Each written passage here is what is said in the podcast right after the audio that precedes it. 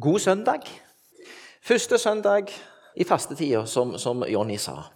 Og teksten i dag de skal vi gå gjennom én og én. Og eh, jeg har med meg Thea og Thomas og Lukas, som skal lese hver sin tekst.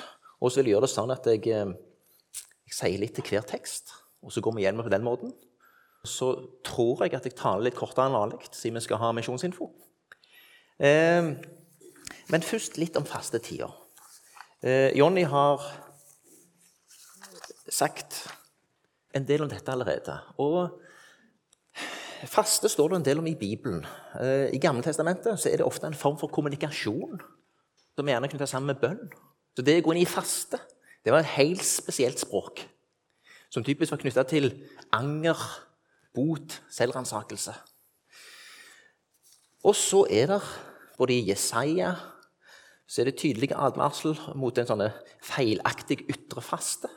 Og Jesus sier det òg. De som gikk med forvridde ansikter og var så opptatt av å vise hvor fromme de var. Så eh, fasten kan òg bli noe veldig sånn ytre som, eh, som eh, blir litt uheldig. Men historien er jo litt sånn da, knyttet til den fasten som katolikkene holder på, og som, som for så vidt vi har med oss, men som ikke kjører så hardt med regler på i protestantisk sammenheng som katolikkene, det er denne forberedelsestiden fram mot påskefeiringen. Eh, det var en tid for å gjøre bot, anger, gå i seg sjøl, snakke sant med Gud. Kanskje gjennom det snakke sant med seg sjøl. La masken falle, som hadde før jul. Eh, jeg tror det er viktig å bygge kulturer for å snakke sant. Da er det jo et godt sted å begynne å snakke sant med Gud åpne seg for uh, sannhetens ånd. La Guds vilje og Guds stemme slippe til i ens liv. En tid for selvransakelse. Er det noen som har den der U-appen, den der bibelsaken? Opp med ei hånd de som har denne U-appen. Ja, det er bra. Eh, jeg så verset i dag var altså fra Salme 139. Eh, Ransak meg, Gud. Så de har òg fått med seg at det er første søndag i faste. Eh, Johnny snakket inn dette her med å um, Med å uh,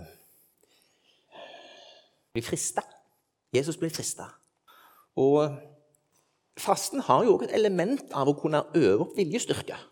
Min erfaring med faste er at hvis du kan kontrollere magen, så kan du kontrollere mange andre ting.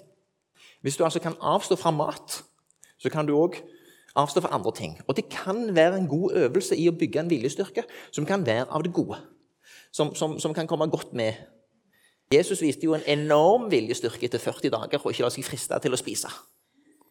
Um, og ellers er det helsemessige effekter. Det er jo veldig interessant nå å se at det, det er jo veldig mye uh, Fastefokuset kommer ikke lenger fra kristent hold. Den kommer fra noen som har funnet ut at det er helsebringende.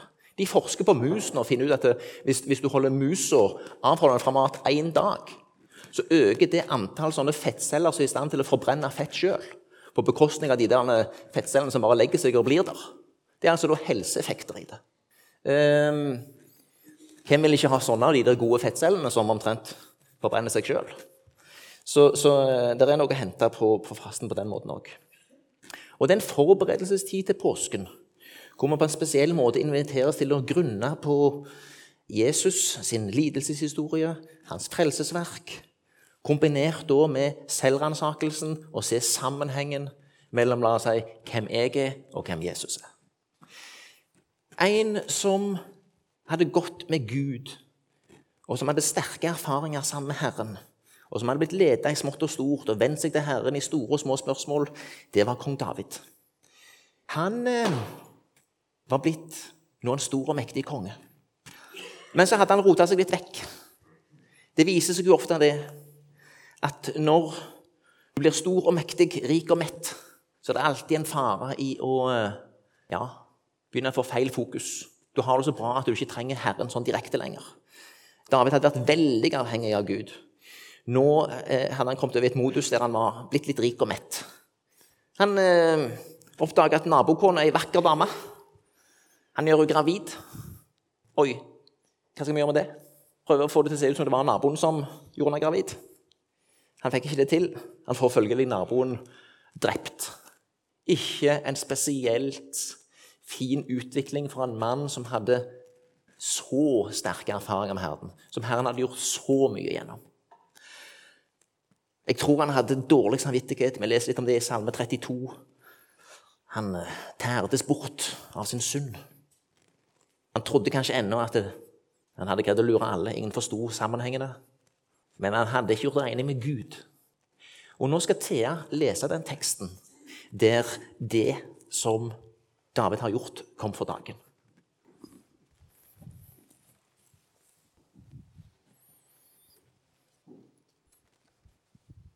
Andre Samuels bok, kapittel 12, vers 1-10. Herren sendte Nathan til David. Han gikk inn til kongen og sa, det bodde to menn i en by. Den ene var rik og den andre fattig. Den rike hadde småfe og storfe i mengde. Den fattige eide ikke annet enn et eneste lite lam som han hadde kjøpt. Han alte det opp, og det vokste til, til sammen med barna hans. Det spiste av brødet hans, drakk av begeret hans og lå i fanget hans. Det var som en datter for ham. En dag kom en vandringsmann til den rike, men, men han kvidde seg for å ta noe av sitt eget småfe eller storfe og lage i stand for gjesten. Han tok lammet til den fattige og lagde det til stand for, til mannen som var kommet. Da ble David brennende harm på mannen og sa til Nathan, så sant Herren lever, den mannen som har gjort dette, fortjener å dø, og han skal betale firedobbelt for lammet, fordi han har gjort dette og var så hjerteløs.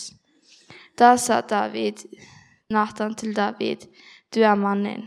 Så sier Herren, Israels Gud, jeg salvet deg til konge over Israel og berget deg fra Sauls hånd.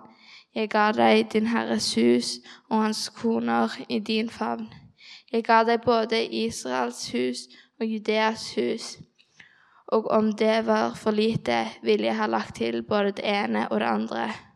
Hvorfor har du da foraktet Herrens ord og gjort det som er ondt i hans øyne? Hetitten Uria har du drept med sverd. Du lot ammonittene drepe ham, og du tok hans kone og giftet deg med henne.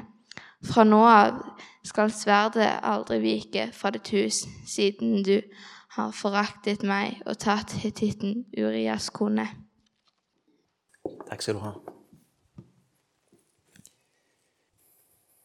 Ja David felte her raskt en dom over han som uh, hadde tatt lammet til uh, sin fattige nabo. Det er en fare, dette med å bli dømmende. Det kan ha flere røtter. Um, og en kan ha, være dømmende anklagende av gode eller dårlige grunner. Um, noen har uh, blitt kjørt så langt ned og fått så dårlig selvbilde at anklagen uh, nesten har blitt klistra på dem. De uh, endte fort opp med å ha et dømmende språk uten at de egentlig kan si så, er så ansvarlige for det. For de har liksom opplevd å blir gjort så små at de sjøl òg sitter igjen med et anklagende språk. Det er trist når det skjer, men der tror jeg det er hjelp å få, en vei ut av det. Det går an å få bygge opp selvbildet sitt. Andre tror jeg går rundt med dårlig samvittighet langt der inne, enten han er bevisst eller ubevisst, og ender opp med å bli dømmende på den måten. En dømmer egentlig seg sjøl. Men når han ser andre, så ser han glassklart andres problemer. Men dypest sett så kjenner han bare igjen sine egne. Jeg lukter litt at David kan ha vært der. Det var nok en mann som var knuga av dårlig samvittighet. Han kjente Gud. Han visste hva han hadde gjort. Han prøvde å skjule dette. Og så feller han en hard dom over denne som nå har tatt det eneste lammet til naboen. Han skal dø.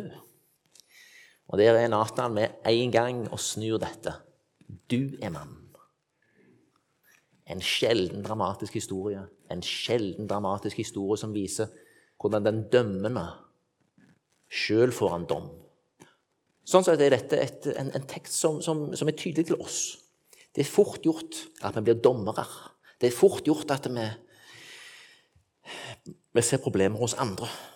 Men igjen, ikke alle anklagende dømmende eh, personer er uttrykk for dårlig samvittighet. Det kan ha flere grunner. Men, men, men dette med dårlig samvittighet kan være en av dem. Men vi ser jo her òg litt inn i hykleriet. An, det aner meg jo at det fantes noen av lederne i militæret som forsto hva David hadde gjort. De var ikke spesielt imponert over ham. Han som fikk ansvar for å sette Urias fremst i krigen. Å ja, ja vel, var det det du ville? Når han så den nye kona. Han levde altså i løgn og i fortielse av realitetene, David. Og Det hadde begynt med utroskap, og det hadde fortsatt med mord. Et drap på en nabo. Og så hadde han prøvd å dekke over dette. Og nå var han dypt inne i uh, konsekvensen av dette. Og her uh, må vi lære. Og det er lære å stoppe fort nok. Si at den ene er sunn og ikke tar den andre. At vi vikles inn i noe. At vi vikler oss inn i løgner. At vi vikler oss inn i et liv som, som etter hvert da blir veldig komplekst. Her må vi be om visdom og eh, nåde til å gå i rette med Gud og mennesker. Det viser oss òg dette at når du sitter trygt og godt og er blitt rik og mett, ja, da er ikke veien lang til kjedsomheten. Og så er det noe som heter 'lediggang er roten til alt ondt'. Det ser ut til at Gud har skapt oss til å være i eh, tjeneste, stå i relasjoner, være i, eh, i en eller annen form for produktiv eh, sameksistens med sine omgivelser. Vårt samfunn dyrker på mange måter å komme ut av det, lene seg tilbake, ha fritid, styre tida sjøl, sitte i Spania og sippe vin og redusere handikap i, i golf.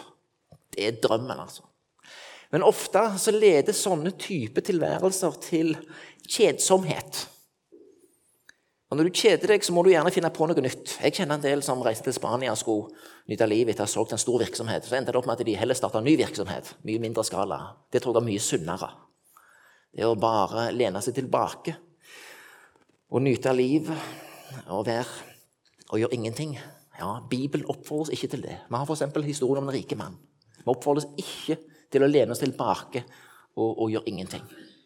Tvert imot så oppfordres vi til å koble oss på og stå i relasjoner og tjeneste. David hadde i, i kraft av sin rolle nå blitt helt konge, for å si det sånn. Han hadde trukket seg ut av det å være med i krigen òg. Han satt nok sikkert og ønsket han kunne fått vært med. Men dypest sett har nå han da, pga. å være rik og mett, så har han blitt utakknemlig og hovmodig. Og det er noe som jeg tror vi òg må inn over oss. Det begynner med at David er blitt rik og mett. Han kjeder seg lite grann. Han er ikke lenger så tett på som han var. Han er ikke så direkte avhengig av Herrens ledelse som han var en gang. Og da ser vi etter hvert det som profeten Nathan påpeker. Du og du, jeg, du som har fått så mye av Gud, og så har du blitt så lite takknemlig, og så begynner du å gå på dine egne veier. Dette er noe av det fasten inviterer oss inn til å ta inn over oss. Hvor er vi? Hvor er jeg? Jeg Er en sånn rik og mett fyr, kvinne eller mann, som, som David? Er jeg der? Hva gjør det med livet mitt? Gud kaller oss til å ha relasjon med Han, og til å være brødre og søsken i troen, og til å bygge på Hans rike på ulike vis. Da fortsetter vi med eh, det som er hovedteksten i dag, fra Matteusevangeliet. Det som er altså teksten, er Matteusevangeliet 36-45, men vi leser fra 30 til 46. Vi leser litt mer begge ender, så vi har en hel historie sammen. Og det er Thomas som skal lese.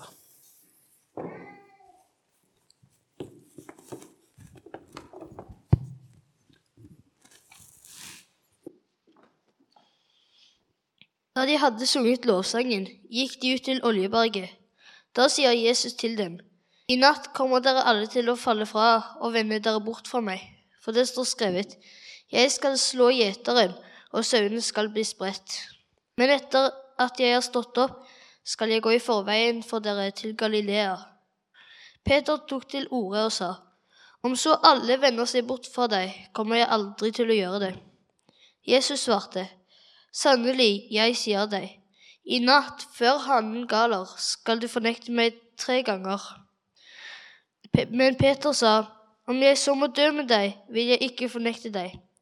Det samme sa også alle de andre disiplene. Så kom Jesus sammen med disiplene til et sted som heter Getsemane, og han sa til dem, Sett dere her mens jeg går dit bort og ber. Han tok med seg Peter og de to Sebedeus-sønnene, og han ble grepet av sorg og gru. Da sa han til dem, Min sjel er tynget til døden av sorg, bli her og våk med meg. Han gikk fram et lite stykke, kastet seg ned med ansiktet mot jorden og ba, Min far, er det mulig, så la dette begeret gå meg forbi. Men ikke som jeg vil, bare som du vil. Da han kom tilbake til disiplene og fant dem sovende, sa han til Peter, så, der, så klarte dere ikke å våke med meg en eneste time. Våg og be om at dere ikke må komme i fristelse. Ånden er villig, men kroppen er svak. Igjen, for andre gang gikk han bort og ba. Min far, om ikke dette begeret kan gå forbi meg, og jeg må drikke det, så la viljen din skje. Da han kom tilbake, fant han dem igjen sovende, for øynene deres var tunge av søvn. Nå forlot han dem og gikk på ny bort og ba den samme bønnen for tredje gang. Så kom han tilbake til disiplene og sa, Dere sover og hviler fremdeles. Nå er stunden kommet da menneskesønnen skal overgis i synderhender. Stå opp og la oss gå. Han som fråder meg, er nær. Takk skal du ha.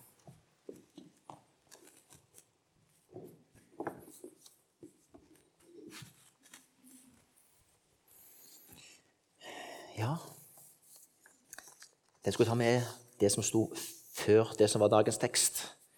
Eh, dagens tekst er altså kun fra vers 36 når de kom inn i Getsemane. Men jeg syns det er greit å ta med Peter her, altså.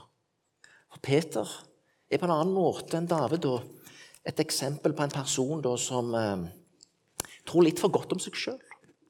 Om så alle vender seg bort fra deg, kommer jeg aldri til å gjøre det. Det vi òg kan ta med oss i fasten, det er dette her med Ja, hvordan, hvordan ser vi på oss sjøl og vårt eget kristent liv? Er vi så fornøyd med oss sjøl at vi ikke helt ser hvor avhengige vi er av eh, å være tett påkobla? Å være i ordet, være i bønnen. La Den hellige ånd, la sannhetens ånd få prege oss. Faren er når vi kommer som Peter og skal få det til helt på egen hånd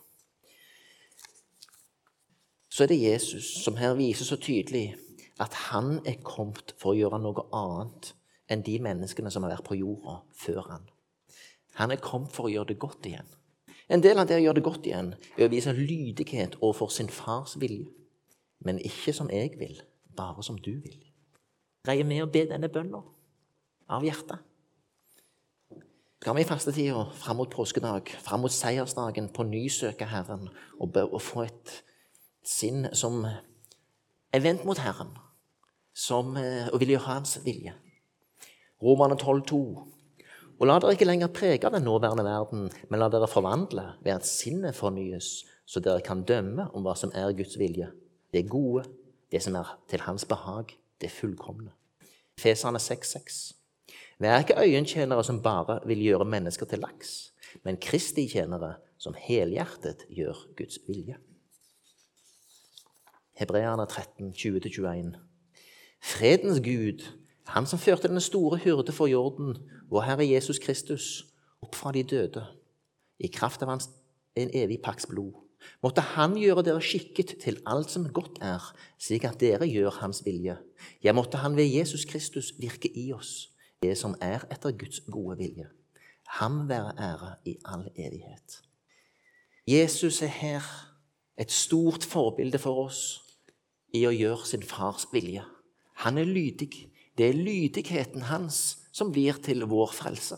Det er hans vilje og evne til å følge sin fars fotspor som gjør at vi eh, kan se Gud og møte Gud, at vi kan få bli en del av Guds rike, er at Jesus Kristus var villig til å lye sin fars vilje. På samme måte kalles vi til å følge Guds vilje med våre liv. Vi har fått Den hellige ånd som en veileder, som eh, gjennom undervisning, forkynnelse, gjennom eh, bønn, gjennom bibelstudie, nattverd, fellesskap med andre kristne, så skal Den hellige ånd lede oss til hva som er Herrens vilje med den enkeltes liv. Her og nå, i dag og i morgen og i ukene og månedene som ligger foran.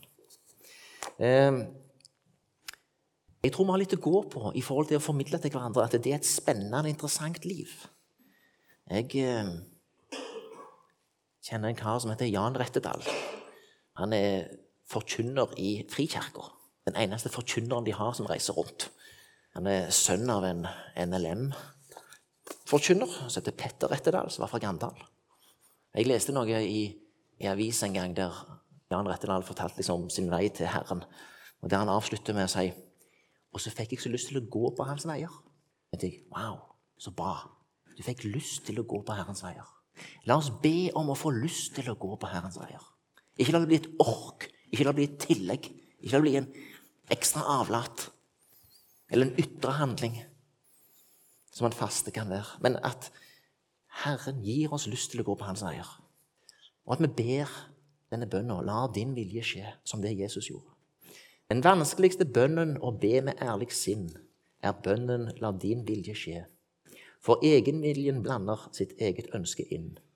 Og overfor Guds tanker er viljen ofte blind. Men Herre, gi meg mot til å be. La din vilje skje. Den siste sterke bønnen som Jesus lå og ba, var bønnen 'La din vilje skje'.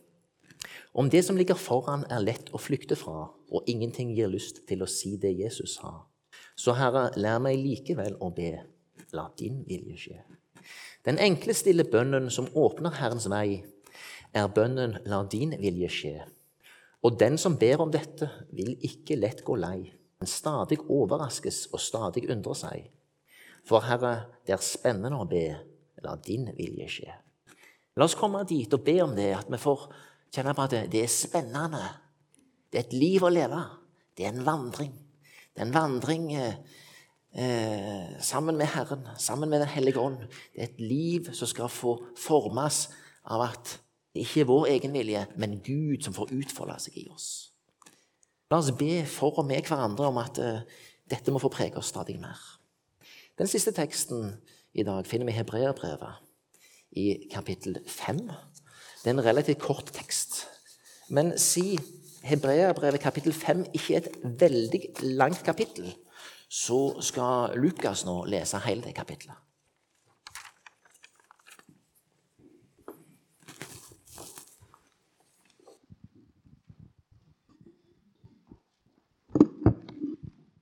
Hebreerne 5.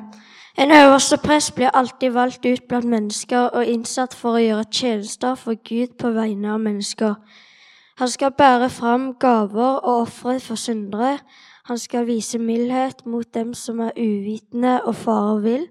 Han skal selv ha underlagt svakhet, og, og derfor må bære fram syndeoffer også for seg selv, ikke bare for folket. Ingen eh, tiltar seg denne verdien selv, men har blitt kalt av Gud slik som Aron. På samme måte skal heller ikke Kristus gi seg selv som en ære for Gud og øverste prest. Han fikk den av Gud som sa til ham, Du er min sønn, jeg har født deg i dag. Slik sier han også et annet sted. Du skal til evig tid være prest av samme slag som Melkisedek. Da Jesus levde som menneske, bar han fram bønner og nødrop med høye skrik og tårer til ham som kunne frelse ham fra døden, og han som ble bønnhørt fordi han eh, var gudfryktig. Enda var sønn lærte av lydighet være lite. Eh, da han hadde nådd fullendelsen, ble han av opphav til evig frelse for alle dem som avlyder ham. Han skal av Gud bli kalt øverste prest av samme slag som Melkisedek. Om dette har vi mye å si, men det er vanskelig å forklare siden dere er blitt så likegyldige til å høre. Etter så lang tid burde dere selv være lærere, men dere trenger noen som på nytt kan lære dere det første og grunnleggende i Guds ord. Dere er fast blitt slike som trenger melk, ikke fast føde. For de som lever av melk, er et spedbarn og forstår ikke seg selv på budskapet om rettferdighet. Men fast føde er for de fullvoksne, de som ved å bruke sansene har øvd dem opp til å skjelne mot godt og ondt. Takk skal du ha.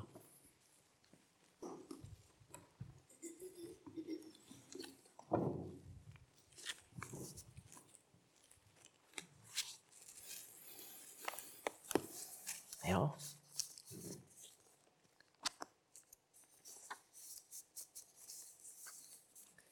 Det som altså da er selve leseteksten, det er det som er fra versene 7 til 9. Den gang Jesus levde på jorden, ba og bønnfalt han med høye rop og tårer, ham som kunne berge ham fra døden, og han ble bønnhørt fordi han var gudfryktig. Enda han var sønn, lærte han lydighet av det han led. Da han hadde nådd fullendelsen, ble han opphav til evig frelse for alle dem som adlyder ham. Eh,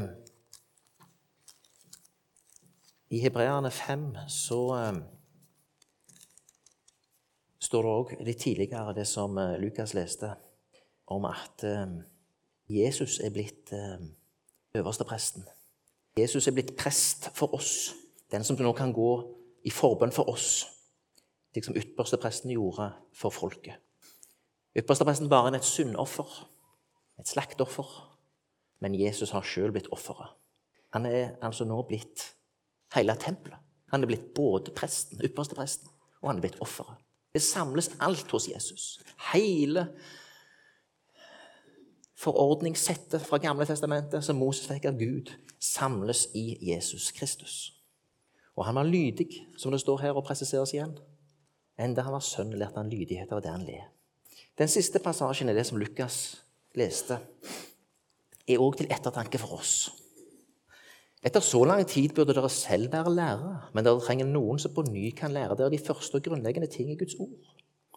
Som det sto i verset før, om dette har vi mye å si, men det er vanskelig å forklare siden dere har blitt så trege til å høre. Ja, interessant. Disse som eh, dette brevet er skrevet til, de hadde altså òg blitt trege til å høre. Peter hørte ikke skikkelig etter når Jesus eh, sier til ham dere kommer alle til å fornekte meg. Han burde vite at eh, alt som kommer fra Jesus, som er ordet, det er sant. Han burde tatt det til seg, men han hørte egentlig ikke skikkelig etter. David hørte nok ikke mye på uh, Gud og Guds stemme når han sitter og kikker på Batseba der. Da var det helt andre ting som styrte ham. Faren er at hvis vi blir treige til å høre og lytte til Herrens stemme og etter budskapet, så ender vi der som forfatteren forfatteren Hebreabrevet sier. Vi blir umodne. Vi blir sånne som mangler innsikt i budskapet om rettferdighet. Vi blir på et umodent stadium. Men den faste føden er for de modne, for dem som vil bruke sine sanser, har øvd dem opp til å skille mellom godt og ondt. Dette er det Gud vil, at vi skal bruke våre sanser, øve dem opp til å bli modne kristne. Ja, vi skal både rent fysisk eh, se og smake, høre, lukte, berøre. Vi skal gjøre alt dette, både fysisk og åndelig sett. Og vi skal legge alt fram for Herren. Hele vårt liv. Ingen deler av livet vårt er eh, uinteressante for Herren. Um, det er noe her at vi kan stoppe opp. Det kan bli, det kan bli på et gitt nivå, og så enten vil vi ikke, eller så kommer vi ikke videre av ulike grunner. Dette er noe som eh, i utgangspunktet leder oss dit som hebreerbrevets forfattere da forteller. Vi blir umodne. Og Faren med å leve i den umodenheten er at det da blir kristenlivet etter hvert et slit. Vi kommer ikke inn i den fruktbare loopen der eh, vi får stadig mer lyst til å gå Herrens veier. La oss be om det i fasten, at vi, Gud åpenbarer seg mer for oss. At vi forstår at Herren vil at vi skal vokse i troen på Han. At vi skal bli de modne kristne, den modne kvinne og mann, som kan skjelne mellom godt og ondt, være gode rådgivere, gode veiledere i møte med andre troende, i møte med de som ikke tror. Dette er noe som eh, vi kalles til. Teksten i dag har vært mye om eh, synd og gjøre bot og Jesus som forbilde. Vi avslutter nå med å reise oss, og så ber vi syndsbekjennelsen sammen.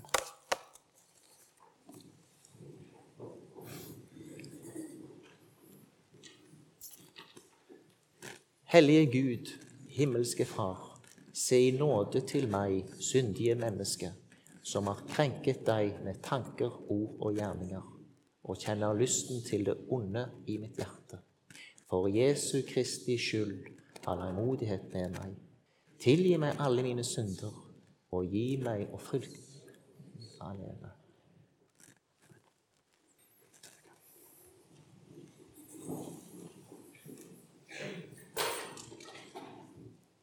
Sier vi at vi ikke har synd, da bedrar vi oss selv, og sannheten er ikke i oss. Men dersom vi bekjenner våre synder, er Han trofast og rettferdig, så Han tilgir oss syndene og renser oss for all urett. Amen.